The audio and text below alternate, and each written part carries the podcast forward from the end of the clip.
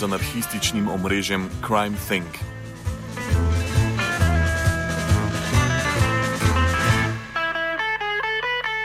Današnji večer je priložnost, da ugasnete vaš radijski sprejemnik in se odpoveste toplini doma, ter se odpravite v smeri Metelkove v prostore A-Infoshopa, kjer se boste udeležili diskusije o stajah in protestih in kaj storiti, ko leti poniknejo. Dogodek z naslovom Kaj storiti, ko se prah ustaj polega, je organiziran ob priložnosti, ko so se v podalpski Sloveniji ustavili člani anarhističnega kolektiva ali še raje omrežja Crime Think. Kaj je ta družbeni fenomen, ki je dobil prepoznavnost predvsem v Severni Ameriki, nam pove član omrežja. Not an organization so much as a network of people who uh, are participating in different forms of rebellion or of struggle. For each project, the the organization or the participants are a little bit different.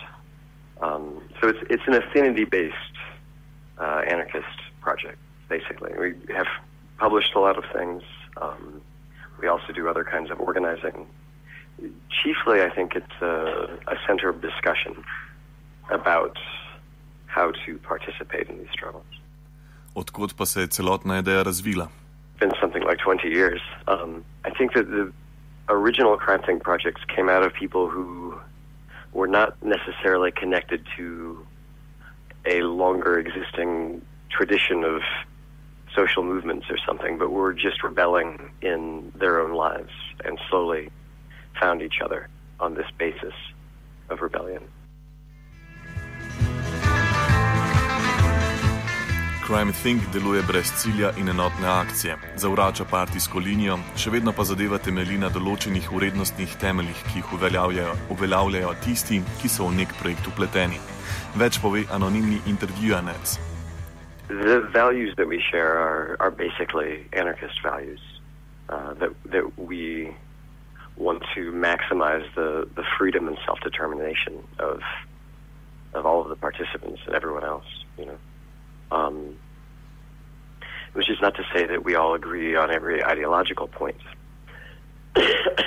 In some cases, I think we're connected by the things that we disagree about. A disagreement can connect people as as strongly as an agreement if uh, if it's a disagreement that everyone benefits from. So we don't have a, a party line or something, but I think that we agree about the questions that are interesting to pursue.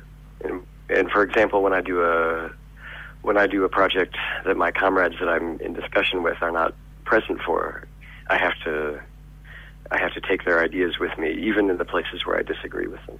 You know. Nekaj od česar se organizacija odvrača je zahteva po konsenzu. Problem, ki večkrat pesti delovanje neposredne demokracije po črki. Kakšna je vloga demokracije? Nadaljuje anonimnež. The usual question that people have when they discuss an anarchist society is, well, how do we get everyone to agree? You know, um, maybe a small group of people can agree, but to get everyone to agree just seems impossible.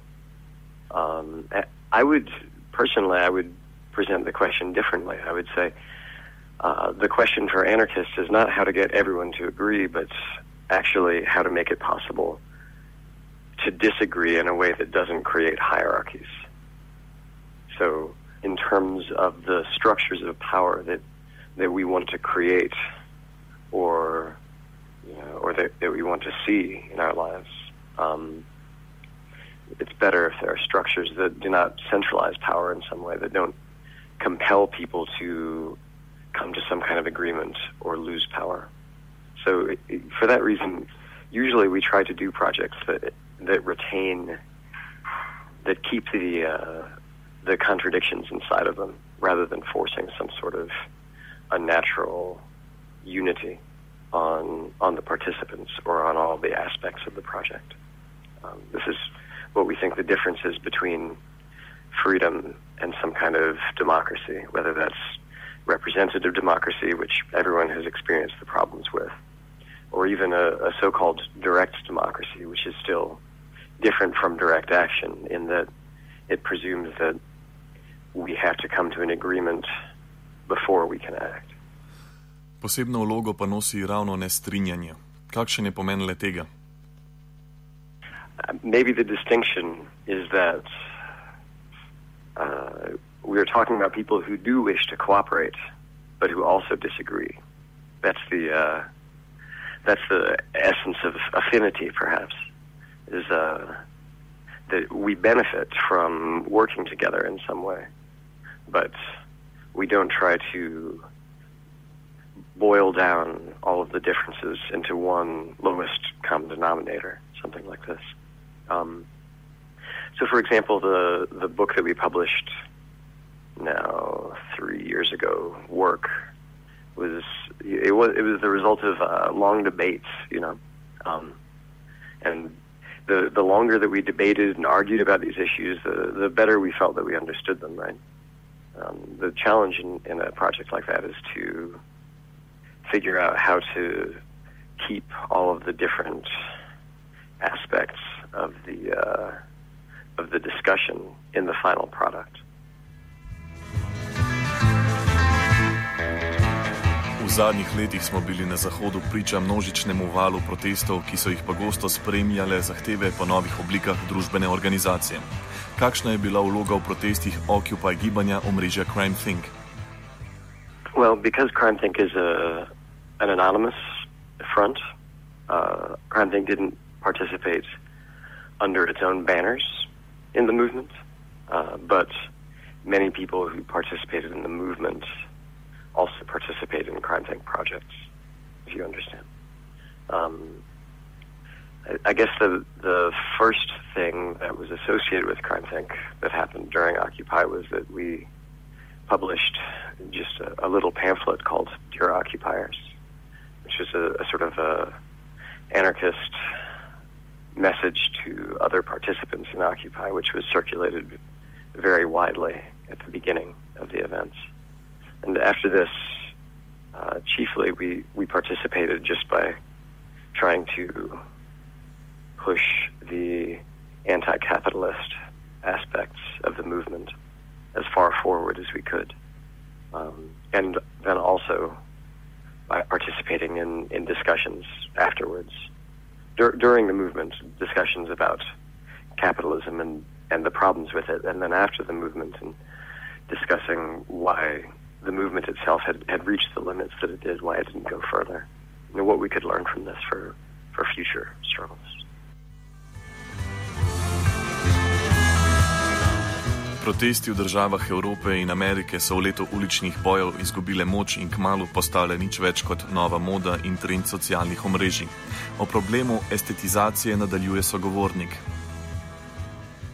Well, that, that is a, a common phenomenon, not just to protest, but to life now that everything is becoming more of an aesthetic. Um, I think the real question there is uh, is not a question of, about the the movements, uh, you know, being drained of, of meaning by aesthetics, but rather a question of whether the aesthetics of certain tactics will maintain such a grip on our imaginations that we are not able to shift to doing things that are actually more effective. Uh, whether that means that you know that you, it's really important to you to to say that everything you're doing is nonviolent, and so you you don't actually take the steps that it would take to change society because you're so busy trying to show that you're nonviolent, that you are legitimate according to the criteria of the state.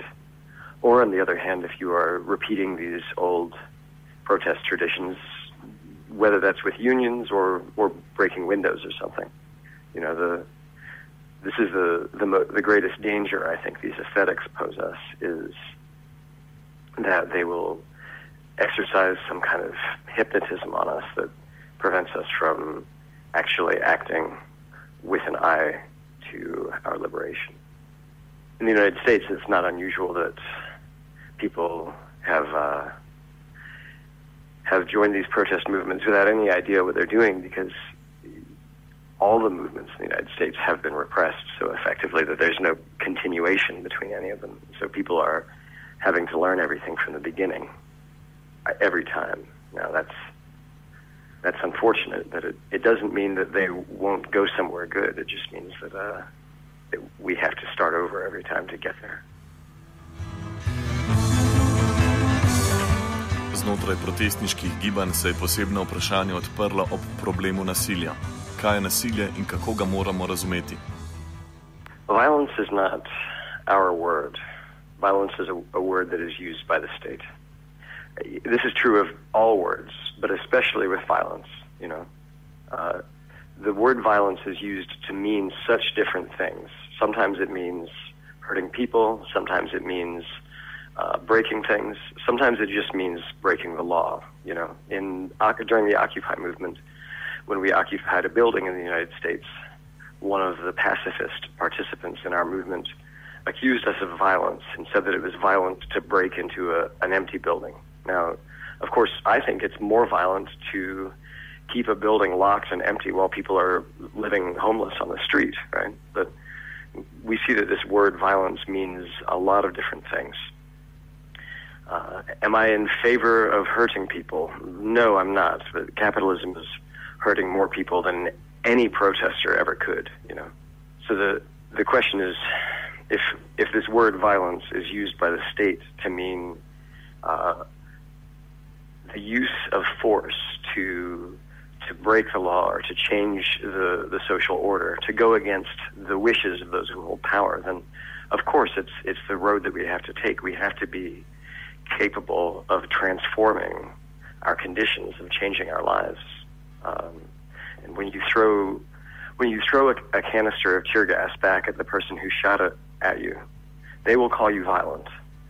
But this may be something that you need to do to, you know, to be able to create a movement that can bring about the changes that we need to see, or for that matter, just to be able to stay in the street at all.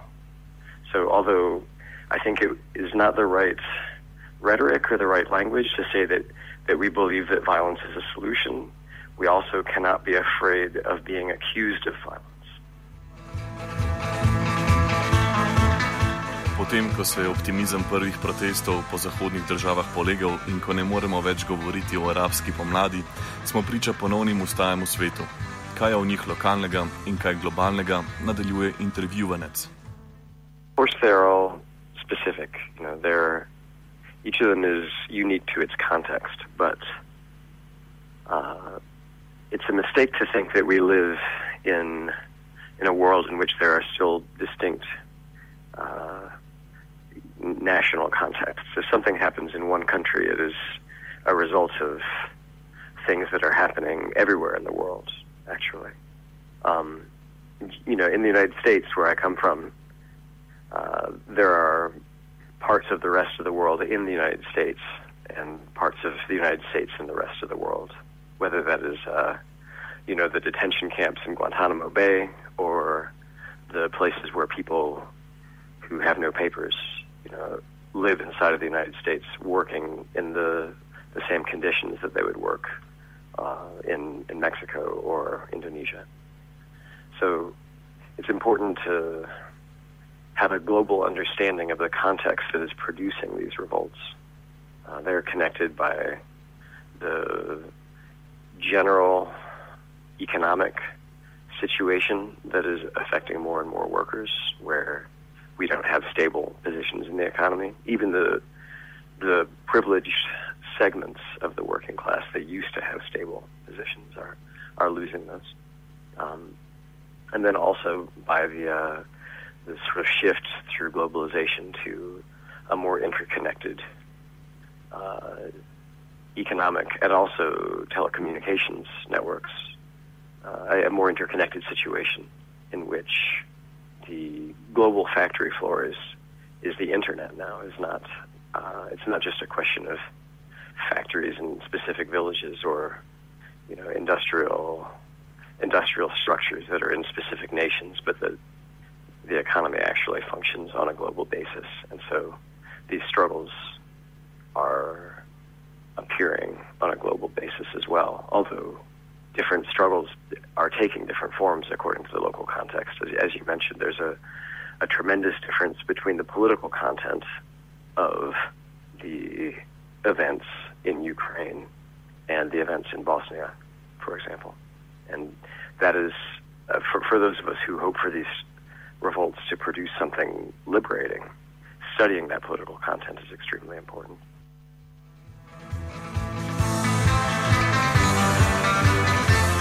V Ukrajini smo bili priča, kako so po odstopu starih oblasti na položaj prišle nove sile. Nacionalizem in fašizem pa je zauzel frontne linije opora. Kako se spopasti s fašističnimi tendencami in kaj je naloga levičarskih gibanj v nadaljem današnji offside zaključi anonimnež in anarhist Crime Thinker.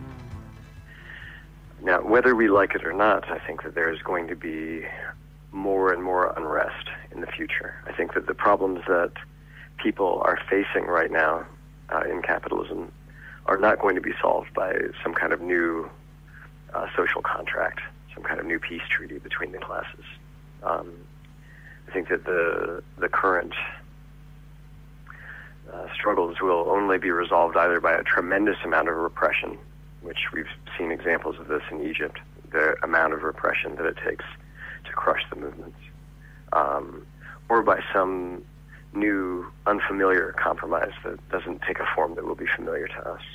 Uh, perhaps something based in uh, the the best example I guess I can think of is the way that everyone can access the internet now. Almost, you know, although we aren't equal on the internet, we're all integrated into this new sort of digital citizenship that could be used as a as a model for pacifying us.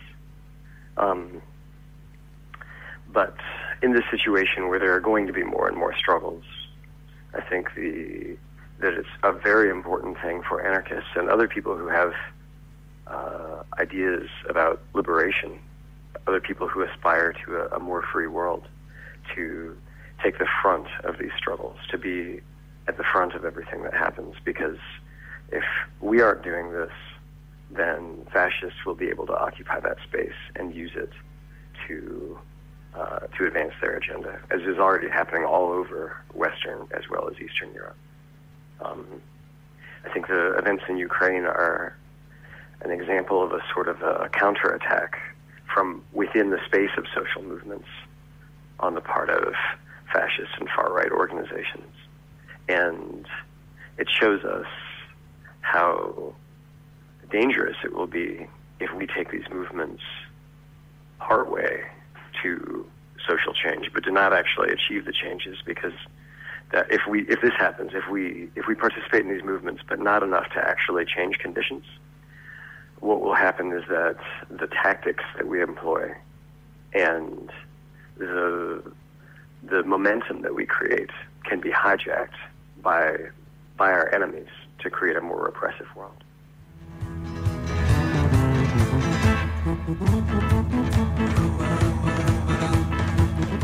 danes večer pa le v A-Infoshop na Metelko ob 20. uri, kjer se bo odvijal pogovor z naslovom Kaj storiti, ko se prah ustaj polega.